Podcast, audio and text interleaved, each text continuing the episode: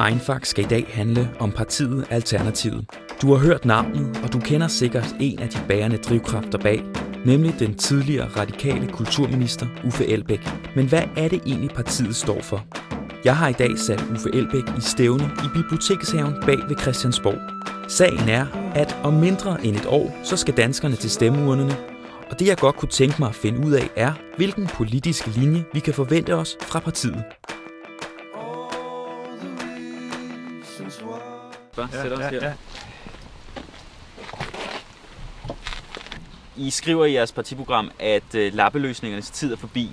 Danmark skal ikke være det bedste land i verden, men det skal være det bedste land for verden. Ja.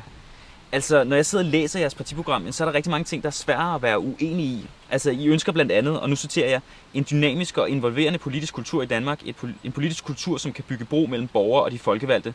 Altså, det lyder meget godt. Men kender du nogen inde på Christiansborg, som vil opponere imod det her udsagn? Nej, det tror jeg egentlig ikke. Altså, jeg tror, at øh, de fleste af mine kollegaer inde på Christiansborg øh, er enige i det på skrift, ikke? Problemet er bare, at i praksis, så er det ikke, efterlever vi det ikke. Og det, det vi har sat os for, det er faktisk at, at lade os måle på, om vi lever op til det, vi skriver. Øh, og det, det har, vi, har vi alle mulige sådan sjove øh, juleleje. Hvordan pokker gør man det? Ikke? Altså, vi har blandt andet sådan et, øh, nogle dogmeregler for god kommunikation. Kan du ikke forklare, hvad hurtig værdi er? Jamen altså, det er blandt andet, at øh, man øh, respekterer den øh, person, som man sidder og diskuterer med, eller er op imod, øh, som man siger. Ikke? Altså, øh, altså prøver faktisk at, at, at sætte sig ind i, i modstanderens øh, position, øh, og forstå, hvor er det vedkommende taler fra. Dermed ikke sagt, at vi skal være enige, men i det mindste, at man øh, respekterer øh, det standpunkt, eller øh, og prøve at, at finde ud af, hvordan, øh, hvad, hvad er det egentlig vedkommende mener. Fordi hvad er det, I ønsker at ændre i Alternativet?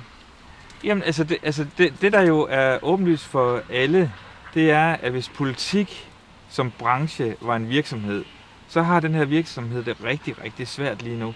Øh, et, øh, troværdigheden ligger helt i bund. Altså, hvis man på alle hvad hedder, sådan, øh, tillidsundersøgelser, så os politikere, vi er den mest tillidsfulde set fra borgerens synspunkt. Lige over os er der brugtbilsforhandlere, og lige over øh, nummer tre, det er journalister, sådan nogle som jer. Øh, og det vil sige, at vi ligger og rundt i den rigtig dårlige ende. Så det vil sige, at hvis politik var en virksomhed, så havde den her virksomhed et meget, meget dårlig øh, offentlig identitet og branding, kan man sige. Ikke? Hvad der så også er galt, det er, at der er færre og færre, der har lyst til overhovedet at arbejde i den her virksomhed. Der er færre og færre, der har lyst til at være medlem af et parti, øh, og dermed betyder det også, at der er færre og færre til at rekruttere ind i forhold til kandidater, både på byrådsniveau og regionsniveau og nationalt niveau. Så den her virksomhed har et forfærdeligt omdømme, og der er færre og færre, der har lyst til at arbejde der. Men Uffe, nu siger du selv, at troværdigheden er på et, et lavpunkt, som, vi Ja, ikke har, som er lang tid siden vi har set før. Altså, det er jo, kan man ikke sige, hvorfor skulle, hvorfor skulle jeg og hvorfor skulle borgerne ude i Danmark tro på, at nu kommer du og vil ændre det? Altså, Ja, er, det ikke, er du ikke bare en, ny, en politiker, der har startet et parti og gerne vil få noget øh, medvind, kan man sige? Nej, altså, jeg, altså du må jo nøjagtigt mene, hvad du vil. Altså, altså du må jo stemme på dem, du synes, at øh, du sympatiserer med holdningsmæssigt og værdimæssigt. Jeg ved ikke, vi har ikke nogen fornemmelse af, om der er et ekko øh, ude i samfundet, der gør, at øh, der stemmer nok til, at vi kommer ind. Det aner vi ikke. Uffe, i jeres øh, partiprogram, så skriver I, at landbruget skal omlægges 100% til øh, økologisk landbrug inden, inden 2040. Ja. Jeg kunne i den her forbindelse godt tænke mig at, øh, at læse to passager op for dig. Det ene er fra jeres partiprogram, mm. det andet er fra det radikale Venstres partiprogram. Mm. Og så vil jeg gerne bagefter have dig til at sige, hvilket et der er fra hvad. Mm. Så hvis du tager nummer et her, så kan jeg lige læse det op. Så, så ser om jeg overhovedet kan huske mit eget partiprogram ned i... Ja. Præcis. På tro- nummer et, det hedder, på trods af de danske landbrugs umiddelbare succes, så står det industrielle landbrug over for nogle enorme udfordringer. Afhængigheden af fossile energikilder og kunstgødning samt en øget global konkurrence presser landmændene konstant at skulle øge produktiviteten for at overleve. Resultatet er øget forurening af vores miljø og et tab af biologisk mangfoldighed. Ja, det Det er var radikalt. Super. Så kører vi nummer to. Vil jeg skyde på. Men nu er jeg Super. spændt på, hvad nummer to er. Hvis Danmark fremover skal have rent vand og luft, er der behov for markant omlægning af vores landbrug og transport. Landbruget har en stor negativ indvirkning på Danmarks miljø. Pesticider i grundvandet er blot ikke eksempel. Og så kommer der så, øh, mener, at Danmark bør satse på økologisk landbrug, der skåner jord, luft og vandmiljø, samtidig giver sundere og bedre fødevarer. Ja, det, det, det, jeg vil sige, det der, det er vores. Super, så kan jeg så fortælle dig, at Ja, det, det er lige omvendt. kan du forstå, at der er nogen, der kan have svært ved lige at adskille, hvor Alternativet ligger i forhold til andre partier på sådan over på venstrefløjen? Vil du sige radikale er venstrefløj, eller hvad? Ja, lidt i hvert fald. Nej, altså det, det, det, grund, det, det der øh, forvirrer folk, eller i hvert fald gør folk både nysgerrige og forvirrer, det er, at på den ene side, så siger vi, at der er brug for altså en klar kritik af den der neoliberale økonomi, øh, og hvad hedder det, og, altså den måde, vi tænker vækst og, og, og vækstøkonomi og, og materiel, øge det materielle forbrug og bla bla bla bla. Det, det er vi jo en enorm kritik af. Altså vi tror jo ikke på, altså hvis vi fortsætter den økonomiske, hvad hedder det, måde at agere på som samfund, øh, som vi kører i dag, så kører vi ikke bare Danmark, men hele planeten ud over miljøkanten. Ikke? Så der er enormt sådan, vi vil et mere lige samfund, vi vil et mere bæredygtigt samfund.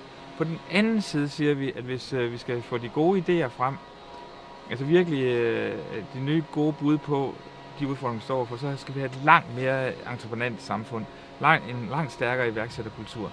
Og det forvirrer folk. Noget, som jeg blev mærke i, da jeg sad og, øh, og læste partiprogrammet, ja. øh, det var, at i 2G, så skrev jeg opgave om andelsbevægelsen Ja. i historie. Ja. Og I beskriver noget, I kalder sådan et potentiale på, på størrelse med andelsbevægelsen, fordi I snakker om den fjerde sektor. Ja. Og for lige sådan at øh, kan man sige, sige til dem, der ser med, Ja. at vi har tre sektorer, som ser ud lige nu. Vi Ja. har de private virksomheder, vi har de offentlige institutioner, Ja. og så har vi ligesom den frivillige sektor. Og her mener I, at der også er plads til en fjerde sektor, som potentielt ja. kan komme ind og spille en, en ret stor rolle i den måde, vi organiserer ja. Ja. os i samfundet på. Kan du ikke lige prøve at forklare mig nu, øh, hvordan den og andelsbevægelsen ligesom øh, har nogle samme, sammenligninger? Nej, altså, det er klart, at vi historisk, så, så synes vi jo, at vi trækker på, på øh, både værdimæssigt, men også erfaringsmæssigt øh, på, noget, på det, der skete med andelsbevægelsen og kooperationsbevægelsen og højskolebevægelsen der for 100-150 år siden. Og vi, vi øh, betegner egentlig den periode som den første store, det vi kalder social innovationsbølge i Danmark. Og det vi så siger, det er, at vi tror, at der er kimen til en tilsvarende ny social innovationsbølge, øh, og at der, hvor den kommer til at, at først blive set, det er det mellemrum, der er mellem offentlig, privat og NGO eller frivillig sektor. Og grunden til, at vi tror, at, øh, at øh, der måske er en mulighed for at gentage noget, bare på selvfølgelig med vor, på vores måde, fordi tiden er en anden, det er fordi, at mange af de problemer, der er øh, i samfundet, det er jo tydeligt, at en sektor kan ikke i sig selv løse det. Kan du bare komme med et par eksempler på, hvad det kunne være, sådan en fjerde sektor? Øh... Jamen, altså hvis man tager dem bare fra en ende af, hvis du, hvis du tager øh, inden for kulturlivet, hvis vi starter der, så vil det være oplagt at nævne Roskilde Festivalen, som er jo på den ene side en fant- fantastisk professionelt drevet kulturvirksomhed med fuldtidsansatte og hele muligheden og kører det mest proffe, man overhovedet kan inden for det. Men hvis der bliver et overskud fra Roskilde Festivalen, så går det til ungdomsarbejde i, Ros, i Roskilde og om, øh, om, omegn. Og det vil sige, så, så er du pludselig inde i det offentlige. Og de kunne aldrig levere kan man sige, produktet, i anførselstegn, hvis de ikke involverede tusindvis af frivillige, når festivalen egentlig kørte, eller når, når festivalen kører. Så på den ene side, så, så øh, kører de fuldstændig som privat virksomhed, men hvis det bliver et overskud, så giver det tilbage til det offentlige. Og de kunne ikke levere produkter, hvis de ikke involverede en masse frivillighed. Jeg kunne godt tænke mig nu her til sidst lige at snakke lidt om det næste års tid. Ja. Ja. Det er jo et rimelig spændende år. Der er et folketingsvalg inden for en, ikke, så- en Ja, overskuelig ja, fremtid. ja. Hvor, hvor langt skal I nå? Hvad, hvad, hvad tænker du? Jamen, jamen, det kører egentlig fuldstændig efter den drejebog, vi, øh, vi, vi skal man sige, nikkede til for tre kvart år siden, at, at nu øh, gik vi ud og lavede de her politiske laboratorier hen over foråret, øh, hvor vi inviterede alle, der havde lyst til at og, hvad hedder det, diskutere de her politiske spørgsmål med os. Og ud af det kom der så et øh, partiprogram, der blev vedtaget i maj og juni.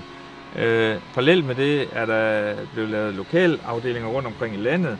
Øh, og her nu den 13. september bliver der valgt øh, 10 spidskandidater. Øh, så egentlig er vi helt klar til at gå ind i en valgkamp, øh, hvis der blev udskrevet valg nu, hvis vi bare havde de her, øh, alle de her vælgererklæringer. Så den største hurdle, vi har lige nu, det er faktisk at få vælgererklæringerne tilbage fra folk. Øh, og det kan blive vores snubletråd, kan man sige. For ellers så går det kun positivt på alle de parametre, man kan gå ind og måle på ellers. Der bliver, der, vel, øh, medlemmerne kommer ind i en lind strøm. Øh, vi er oppe på de der 1400 medlemmer. Vi har etableret gode kontakter ud i verden øh, med, med tænketanke og miljøer, vi gerne vil arbejde sammen med. Vi er i gang med at, at lave et helt internt øh, uddannelsesprogram for dem, der nu har lyst til det, øh, og så videre, så videre. Altså, det, det går kun godt. Du skal have rigtig mange tak, fordi du har lyst til at, at sætte dig ned og snakke. Super. Super. Jamen, øh, skal ikke bare sige, at det var det? Om det lykkes Uffe Elbæk og Alternativet at få de nødvendige vælgererklæringer, det bliver spændende. Desuden lyder det interessant med en fjerde sektor, i hvert fald på papiret. Og her til sidst, så må man håbe, at Uffe Elbæk husker at stemme på Alternativet, og altså ikke de radikale, selvom de siger meget af det samme.